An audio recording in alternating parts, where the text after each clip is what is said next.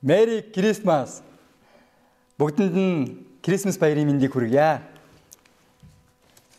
Энэ өдөр бол Есүс Христ бидний төлөө мэндэлсэн гайхамшигтай өдөр байна.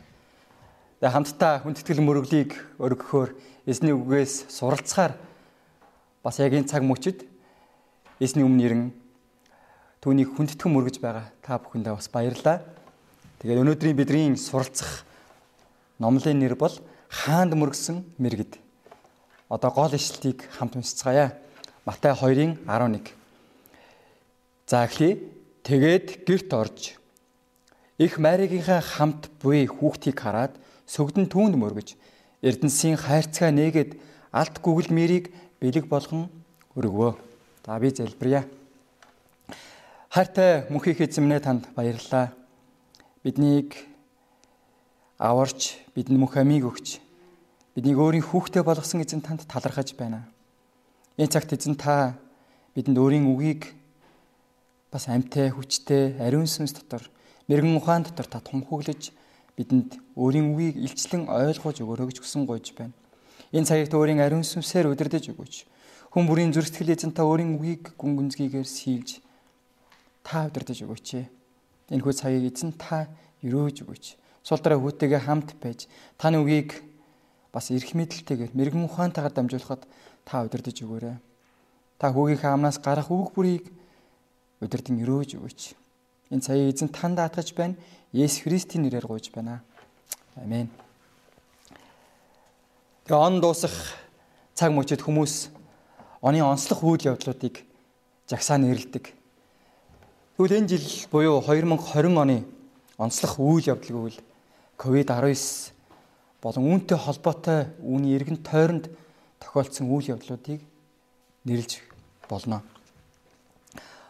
Мөн энэ жил монголчуудын хувьд улсын их хурлын сонгуул, орон нутгийн сонгуулийг зохион байгууллаа. Манай цуглааны хувьд бол гурван шинэ хончин шинээр бослоо. Гэх мэт олон зүйлсийг бид нар нэрлэж болно. Гэхдээ аврагч эзэн Есүс төрсөн гэдэг нь дэлхийн түүхэн дэх хамгийн чухал үйл явдал юм аа. Тиймээс бид өнөөдөр энэ Есүст хүндэтгэл мөрөглийг өргөж байна. Есүсийг энэ дэлхийд төрөхөд хамгийн анх дорн зүгийн мэрэгд болон хончид түнд хүндэтгэл мөрөглийг өргөж Крисмас баярыг тэмдэглэж байсан бол өдгөө 2 тэрбум гаруй хүн болон өргөцсөн байна. Өнөөдрийн Есүс номлолоор Есүст хүндэтгэл мөрөглийг өргөж байгаа мэрэгдийн талаар суралцах болно юудэчүүдийн хаан гэж химбэ? Яагаад түн мөргөхийн тулд дорны мэрэгд алс холоос зэрэн очсон бэ? Энэ бүхний учир шалтгааныг суралцсанараа Есүстэй хувьчлан уулзаж баяр хөөр дүүрэн хүндэтгэл мөрөглийг өргөж чадахыг хүсэн гуйж байна. Одоо бүгдээрээ нэгдүгээр ишлийг үцэцгээе. Херод хааны өдрүүдэд Юдэм Бэтлехэм хотноо Есүсийг төрсний дараа дорн зүгээс мэрэгд Иерусалимд хурч ирээд гэсэн. Есүсийг мэдлэх үед Юдын хаанаар их Херод гэж байсан.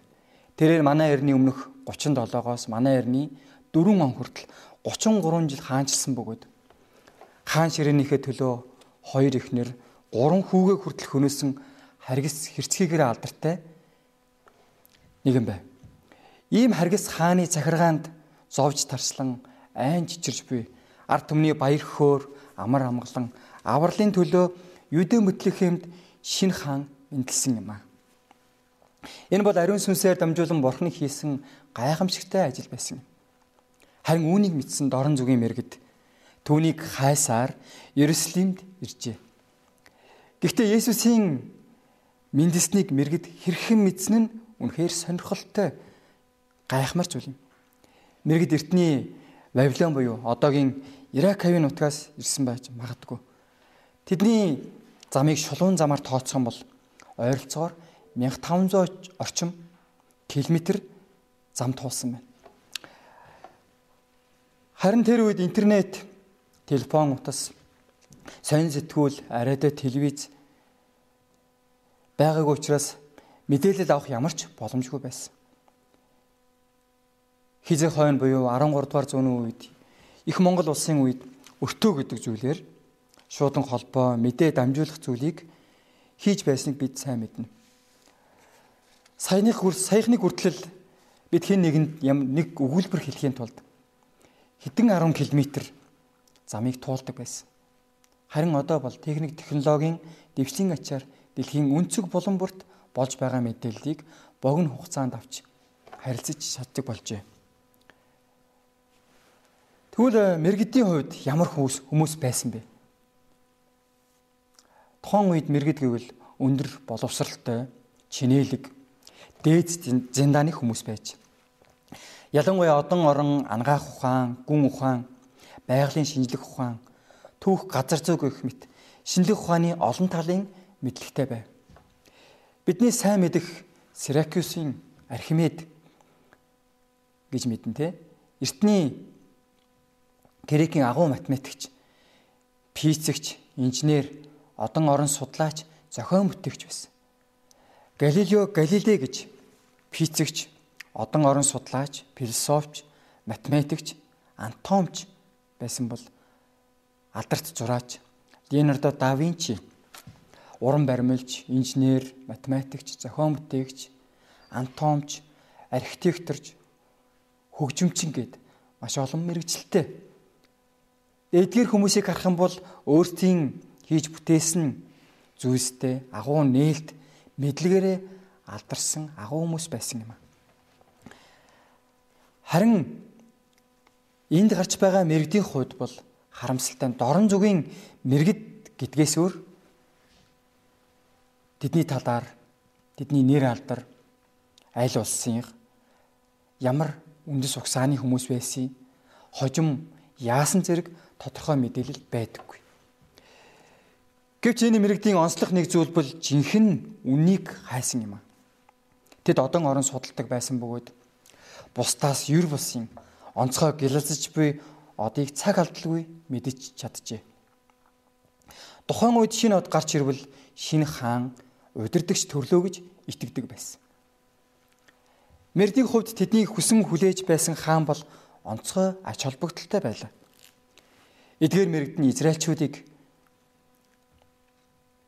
Вавилонд цөлөгдөх үед тэдний итгэл бишрлийн нөлөөг авч үлдсэн харь үндэстнүүд бөгөөд үе уламжлан Израилийн шинэ хаан Месияг хүлээж байсан байх.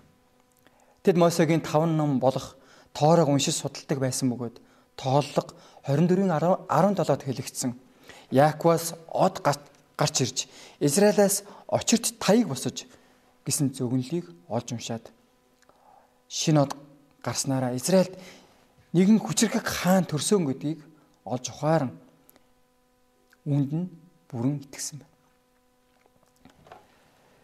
Энэ нь зүгээр нэг улс төрийн хаан биш харин бурхны амлсан месиа аврагч бөгөөд хүндэтгэл мөрөглийг авах цогцтой нэгэн гэдгийг ч олж мэджээ. Одоо бүгдээрээ 2 дугаар ишлэлийг үзээрэй. Саяхан мэндэлсэн юудэчүүдийн хаан хаана байна вэ? Бид зүүнтэд түүний одыг хараад түүнд мөрөгхөөр ирлээ гэж. Энэ мэрэгд одыг хараад шинэ хаанд мөрөгхөөр иржээ. Тэд хайр үндэстэн байсан ч аврагч эзнийг хааныг хайх чин хүсэл ирмэлзэл байсан. Тэд одыг л даган явбал аврагчтай хаантай уулснаа гэсэн бат итгэл байсан. Тиймээс тэд итгэлтэйгээр одыг дагсан юм. Тэд үнэн болсон хаан Есүсийг хайсан ба энэ дэлхийн зүйлсээс илүү аврагчийг зүрсгэлийнхээ тэрүүн байранд тавьсан. Тэд энэ дэлхийн мэдлэг, албан тушаал, нэр хүнд, эд хөрөнгийг зорилгоо болгоогүй. Тэдний зөвхөн амьдралын хэрэгтэй зүйлээр л болцсон. Тэгвэл өнөөдөр бидний харж байгаа дагаж буй тэр од юу вэ?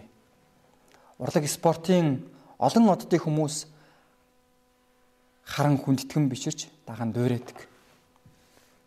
Таны биширч буй од тэгвэл юу вэ? Чүү Инсүн, Том Круз, Брэд Питт, Жулия Робертсо. Эсвэл Леброн Джеймс, Айлен Айверсон, Шакил Онилов. Магадгүй Кристиано Роналдо Энэ бол мессеж байж болох юм.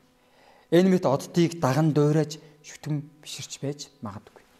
Гэхдээ бид би эдгээр оддын талаар огтхонч яриаг.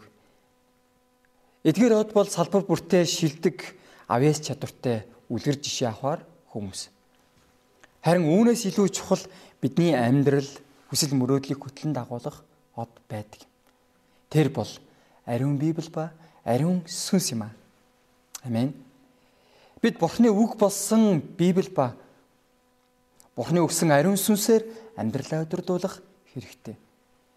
Гмийн харанхуй дэлхийд ариун Библиэд бидний замыг гэрэлтүүлж зөв зөв чигийг зан өгч чадах юм аа. Дуурал 119-ийн 105 хэлэхтэй. Таны үг миний хөлдөх дэнлүү миний замдах гэрэл гэж хэлсэн. 2 дугаар Тимот 3:16-д бичвэр бүр Бурхны амьсгалснаар бөгөөд заах үе, зэмлэх үе, залруулах үе, зөвхт чиглүүлэх үед тустай гэж. Харин ариун сүнс бол тэрхүү замаар явах хүч чадлыг өгч хөдөлгөж өгдөг. Филиппод 4:3-т хэлэхдээ намайг хүчрхэгжүүлэгч түүгээр би бүгдийг хийж чадна гэж хэлсэн. Шин төөрвөл бид алтан гадсуудыг харж түүгээр зүг чиг чигээ баримжаалдаг шиг гим нүглээр дүүрэн үнэн худлыг ялгахад хизүү завхаарл ёс бус байдал худал хуурмаг хэрүүл маргаан гүтгэлэг атаархал үзен ядал зэрэг бүхэл бузар муугаар дүүрэн дэлхийд зөвхөн библиэл зөв замыг үннийг Библиэс зөвхөн зөв замыг үннийг л бид олж чадах юм аа. Мэргэд одыг даган үннийг хайх аялалд гарахад тиймч амар байгаагүй. Тэд маш их сорилт, эсэргүүцэл, бэрхшээлтэй нүүр тулахаас аргагүй байсан. Тэд аялал аялалд эхлэхэд хизээ буцаж ирэхээч сайн мэдэхгүй байл. Тэгээд хайртай гэр бүл үр хүүхдээ орхиж ирээдүйн ажил эд хөрөнгө зэргийг бүрэн золиоссон. Магадгүй нэг нэг нь удахгүй хурмаа хийх байсан бол түүнийгээч хойшлуулсан байх. А нөгөө нэг нь шин байшин барьж байсан бол бас л орхиж түүнийгээ хойшлуулсан. Мөн өөр нэг нь шин судалгааны төсөл эхлүүлэх гэж байсан бол түүнээсээ татгалцсан байж болох юм. Энэ мэд ямар ч шалтгаантай байсан тэд өөрсдийн амьдралын тулгамдсан асуудал бүрийг хойш давхаар шийдсэн юм аа. Тиймээ тэд өөрсдийн амьдралын тулгамдсан асуудал бүрийг хойш давхаар шийдсэн юм. Мөн тэдний аяллыг шүүмжилж буруутгах хүмүүс ч гэсэн мунтахгүй их байсан. Найз нөхөд гэр бүлийнхний хүртэл эсэргүүцэж үннийг олох замд нь саад болж байсан. Гэсэн ч тэд шантарч няцалгүй үнэнд эргэлзэж тэнгэлцсэнгүй хааныг эрен хайх аялалд гарсан юм. Тэд одыг харж шөнийн цагаар аялаж байсан учраас олон бэрхшээлтэй тулгарч байлаа. Одыг зөвхөн одыг л дагж яваа учраас мэдээж замаар явахгүй. Элсэн цөл, уулхад, гол мөрөн шавар намагтай газраар гээд бартаатай газараар явж байсан байсан нь ойлгомжтой. Мөн хулгайч дээрэмчд зэрлэг араатан гээд дайсан ч мундахгүй байсан нь байсан учраас аймнаас эд хөрөнгөөч дэнчин тавьсан юм.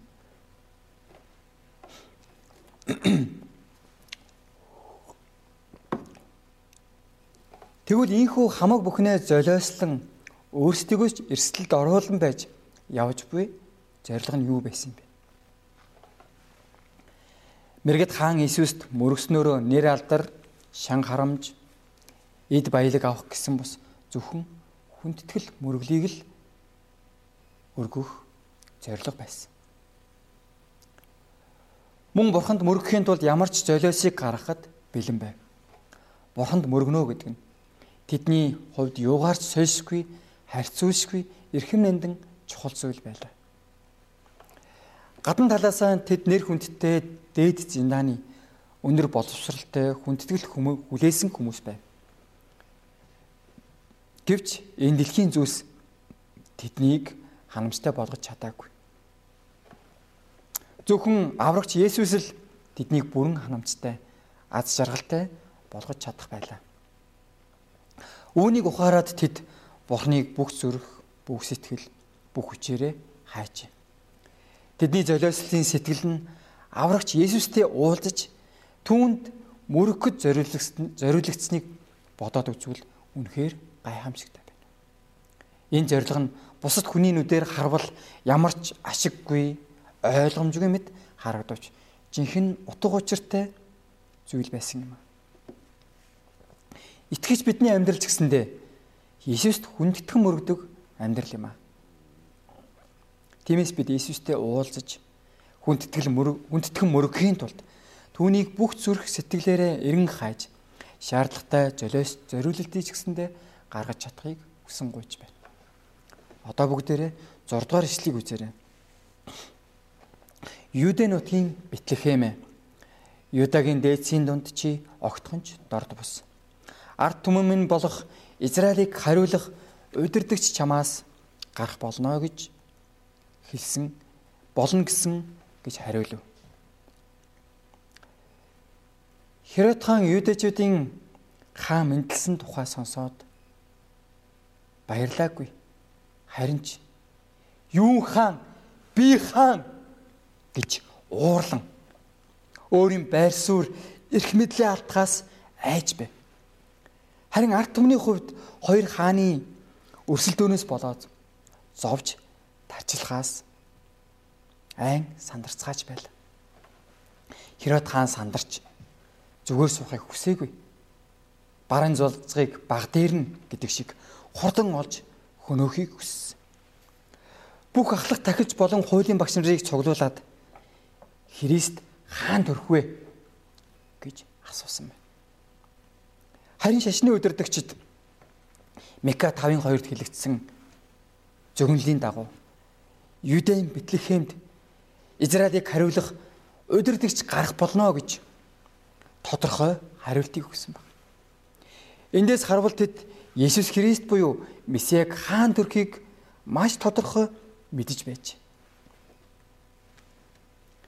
Гэвч тэд Месиаг олохын тулд чигчи уруугаач хөдөлгөөгүй юм. Христийг эрен хайж хүлээгээгүй нь тэдний хамгийн том асуудал байсан. Тэд нийгэмд эзлэх байр суурь, шашны нөлөөлөлдөө сэтгэл хангалуун байсан бөгөөд Христ Христэд мөргөх хүсэлгүй байжээ. Мөн тэд үннийг болон Христийг мэдхийн тулд Библийг судлаагүй бөгөөд зөвхөн өөрсдийн эрг ашигын төлөө өөртөө тааламжтай үгийг л эрен хайж судалж байжээ. Тэгвэл энд зөгнөгдөж байгаа Христ нь хэн бэ? Дээр хэвшлэл хэлсэн Израилийг хариулах удирдахч гэдэг нь Израилийн хончин болох хаан гэсэн үг юм. Өөрөөр хэлбэл Есүс Христ нь өөрийн арт түмнийг хончин шиг хайрлан хамгаалж тижээнд тэтгэх удирдах хаан гэсэн үг. Энэ дэлхийд хаадан эрх мэдэл, хүч чадал, цэрэг зэвсгээр захирдаг бол Есүс Христ хайраар удирддаг юм аа. Христийн хаанчлалын тухай Исая 40:11-д тэр хончны ёсоор сүргээ хариулж мутартаа хургнуудаа цуглуулan ингэртээ тэрврээд хөхүүлийг нь зөөлөн хөтлөнө гэж хэлжээ. Тэр зовж чаналж буй ард түмнээ өрөвдөн тайтгаруулж эмчлэн асрах хончин хаанаар ирсэн юм аа. Тэр өвчнөө өвчтөе нэгнийг эдгээж буйрын сүснээс ч чөлөөлөхөөр ирсэн юм. Тэр өөрийнхөө ард түмнийг хамгийн сайн ойлгож эргэцээг нь хангаж чадах нэгэн юм аа. Өөрийнх нь хаанчлал руу ирсэн хэнийгч хайр ба амар тайвнаар захирах хончин хаан юм аа. Амен. Мөн тэр Херодыг буулгаж хаан ширээг нь ширээг нь булан авахын тулд биш харин сүнс ба сэтгэлээр гэмт хүлэгдэн зовж байгаа бүх хүн төрлөختнийг гэм ба шийтгэлээс аварч чөлөөлөхийн төлөө ирсэн хаан юм. Есүс хүн төрлөختний гмийн төлөө загламаа дээр амиа өргөж 3 дахь өдрөө үхлээс амилсан. Есүсийн амьдлалтанд амьдлалт нь бидэнд Бурхны хаанчлалд мөнх амьдрахыг амьдрах замыг нээсэн юм. Энэ Есүст бид бүхэн бүх зүйлээрээ гүндэтгэл мөрөглийг өргөх ёстой. Одоо 10 дугаар эшлэгийг үзээрэй. Тэд одыг хараад үлэмж баяр хөөрөөр бэлхваа гэсэн. Энд хэлж байгаа үлэмж баяр хөөр гэдэг нь зүгээр нэг баярлсан биш. Харин баярлахын дээдээр баяр баярлан хөөсөн гэсэн утгатай. Мэдээж тэднийг баярлуулах зүйл маш олон байсан. Төрсөн өдөр хурим найр шинэ хүүхэд төрөх үед төгсөлтийн баяр хүссэн ажилдаа орох үедээ хүсэл мөрөөдлөө биелүүлэх үед суглаанд хожих гих мэтэр тэднийг баярлуулж байсан маш олон зүйл байсан. Энэ мэд та нарыг жигсэндээ баярлуулж байгаа зүйл маш олон байгаа баг. Гэхдээ энэ дэлхий дээрх зүйлс нь төр зүрийн хязгаарлагдмал баяр хөөр юм. Одоо тэдний амсаж байгаа энэ баяр хөөр бол тэдний хизээч амсаж байгаагүй насан турш эрен хайсан тэр баяр хөөр байсан юм. Тэдний энэ баяр хөөр нь гуниг зовлон төгсгөл гэж байхгүй. Бүрэн төгс баяр хөөр байсан юм. Хүн ер нь үхлээс ам гарах сая доллар суглаагаар хожихын алинд нь илүү баярлах болоо. Мэдээж үхлээс баярлахад илүү их баярлна. Үхлээс аврагдахад тий Баян хүн бол магадгүй үхлээс аврагдсандаа сая доллараар найр хийж магадгүй. Энэ дэлхийн бүх хүн гэм нүглээс болж мөнхийн үхэл болох тамийн шийтгэл авах ёстой байхад Есүс Христ бидний гмийг үнцээр нь шийдэж гуниг зовлон бүрэн төгс үүрсэн юм аа. Ийм Есүст бид баярлахгүй байж чадна гэж. Харин жинхэнэ баяр хөөр ад жаргалыг амсах гэвэл аврагч эзэн Есүсийг бүх зүрх, бүх хүчээрээ хайж олоод ховчлон уулзах хэрэгтэй. Учир нь Есүс бол Есүс бол баяр хөөрийн үндэс юм аа. Тинхүү Есүстэй уулзсан хүний дотроос баяр хөөр ундран гарах болно. Амен. Жинхэнэ баяр баяр хөөргийг өгдөг юдэчидийн хаан Иесус яг одоо бидний зүрх сэтгэлд дахин мэндэлж байна. Амен. Тэр өнгөрч байгаа 2020 онд төдийгүй бүхэл амьдралын турш бидний амссан бүх уйтгар гунгийг эдгээж бүх гэм нүглийг минь уучлж мөнхийн ам амба амар тайван хайрыг өгөхийн тулд мэндэлж байна. Энэ нь бидэнд мөнхийн баяр хөөргийг өгөхийн төлөө юм. Иесус мэндэлж байна гэдэг нь хамгийн сайхан баярт мэдээ юм. Энэ цагт амар тайвны хаан, хайрын хаан, аврагч хаан, хончин хаан Иесус бидний төлөө болон хүн бүрийн төлөө мэндэлж байна. Энэ Иесусыг зүрх сэтгэлдээ хүлээн авч түүнээс ирэх үлэмж баяр хөөргийг эдэлж чадахыг хүсэн гуйж байна. Одоо бүгдээрээ 11 дугаар ишлэгийг үзээрэй хамтдаа уншицгаая. За эхлэе. Тэгээд герт орж их майрагийнхаа хамт буй хүүхдийг хараад сүгдэн түүнд мөргөж Эрдэнсийн хайрцгаа нэгээд алт гүгэл мирийг бэлэг болгон өргөвөө. Энэ ишлээс мэрэгд яагаад Есүст мөргөх нь утга учиртай байсан гэдгийг ойлгож чадна. Мөргөл гэдэг нь гэдэг үг нь өвдөх сөгдөх, үйлчлэх, хүндэтгэлээ илэрхийлэх гэсэн утгыг агуулж идэг. Христ сэтгэлийн хувьд бурхантай уулзаж түүнийг таньж мэдэх, түүнийг бурхан хэмээн хүлээн зөвшөөрч хайр хүндэтгэлээ илэрхийлэх үйл явц юм аа. Дэд хууль 6-гийн 5 дээр чи бурхан эзнээ бүх зүрх, бүх сэтгэл, бүх хүчээрээ хайрл. Ром 12-ийн 1 дээр Өөрсдийн биеийг бурханд тааламжтай амьд ариун тахил болгон болгож өрг. Энэ нь та нарын сүнслэг мөргөл мөн гэж хэлсэн. 1-р Коринт 10:31-д Тиймээс та нар эдсэн ч уусан ч юу ч хийсэн бурхны алдрын төлөө бүхнийг хий гэж хэлсэн. Эдгээр ишлэлд мөргөлийн мөн чанарыг заан өгч байна. Бид Бурхныг бүх зүйлээрээ хайрлаж зөвхт ариун түүний таалал ба үгийн дагуу амьдарч бүх цаг мөчид түүнийг алдаршуулах нь жинхэнэ мөргөл юм аа. Хүн анханасаа л Бурхныг хүндэтгэн мөргөхөөр түүнийг алдаршуулахын тулд Бурхны дүр төрхөөр бүтээгдсэн. Гэтэл хүн гим нүглээс болж Бурханд биш түүний бүтээлүүдэд мөргөх болсон юм аа. Тухайлх юм бол ууд усанд аав ээж гэр бүлдээ урлаг спортын оддод технологид нэр алдарт эд баялаг химэл шүтэн зэрэгт маш олон зүйлсэд бид нар мөргсөөр байна. Энэ бол Бурхны эсрэг гэм нүгэл юм. Хэрэг хүн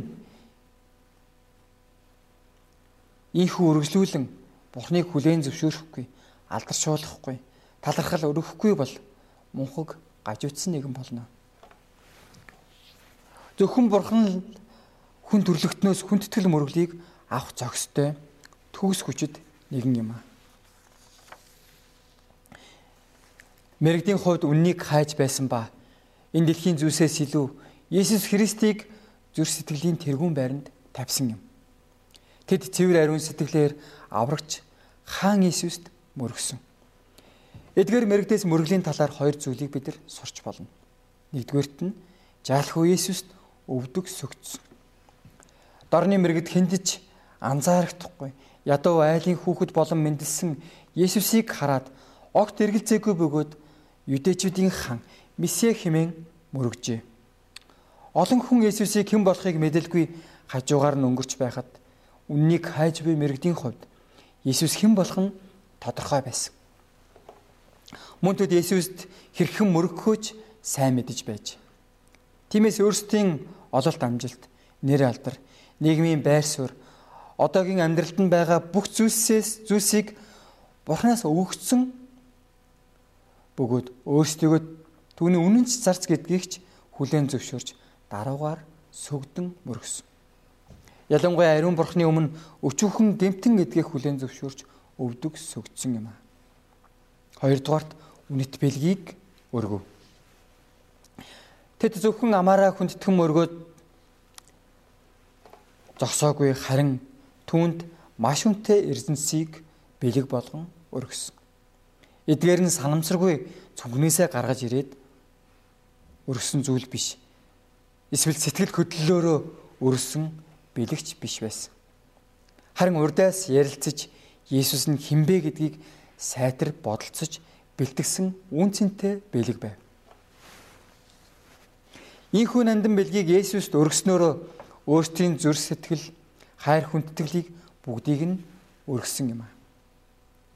Мэргэдийн өргсөн бэлэг нь сүр жавхланд хааныг бэлэг бэлэгдэж алт, цэвэр ариун тахилчийг бэлэгдэж гүгэл, загламан өнгөлөөр нас барж дахин амьлах аврагчийг бэлэгдэж мэрийг бэлэг болгон өргсөн. Энэхүү өргөж буй бэлгээр Есүсийг өөрсдийн хаанаар гуйлд өргөх тахилчаар мөн гимээс аврах аврагчаар хүлээн зөвшөөрсөн юм а.